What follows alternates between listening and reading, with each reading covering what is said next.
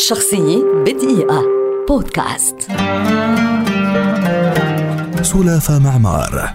ممثلة سورية شهيرة ولدت عام 1976 وتعد واحدة من أبرز ممثلات جيلها وأكثرهن تألقا.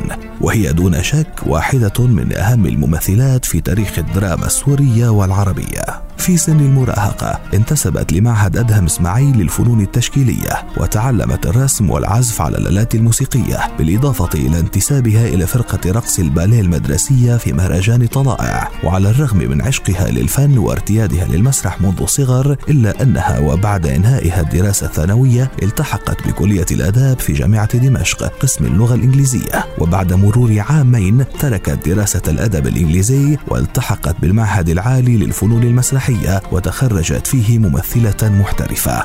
انطلقت مسيرة سلافة معمار في مسلسلات سورية مثل قضية عائلية وصلاح الدين الأيوبي والوصية إضافة إلى مشاركتها في فيلم مشروع أم في بداياتها مع الفنان عباس النوري. لكنها سرعان ما أصبحت نجمة أولى بفضل موهبتها الاستثنائية وأدائها المتميز. وقد شكل دورها في مسلسل زمن العار عام 2009 نقطة تحول في مسيرتها المهنية وجعلها نجمة صف أول بامتياز تنافس أهم الممثلات العربيات. حصلت سلافة معمار حتى اليوم على عدد من الجوائز مثل جائزة أدونيا عام 2005 لأفضل ممثلة دور ثاني عن دورها في مسلسلي أشواك ناعمة وخلف القضبان ولأفضل ممثلة دور أول عن دورها في مسلسل زمن العار. كما حصلت على جائزة الميراكس دور لأفضل ممثلة عربية لعام 2011 عن دوريها في مسلسلي تخت شرقي وما ملكت أيمانكم. بالإضافة إلى حصولها على جائزة بياف لأفضل ممثلة لعام 2015 عن دورها في مسلسل قلم حمرة. ولا ننسى أداءاتها الرائعة أيضا في مسلسلات مثل السراب الغفران أهل الغرام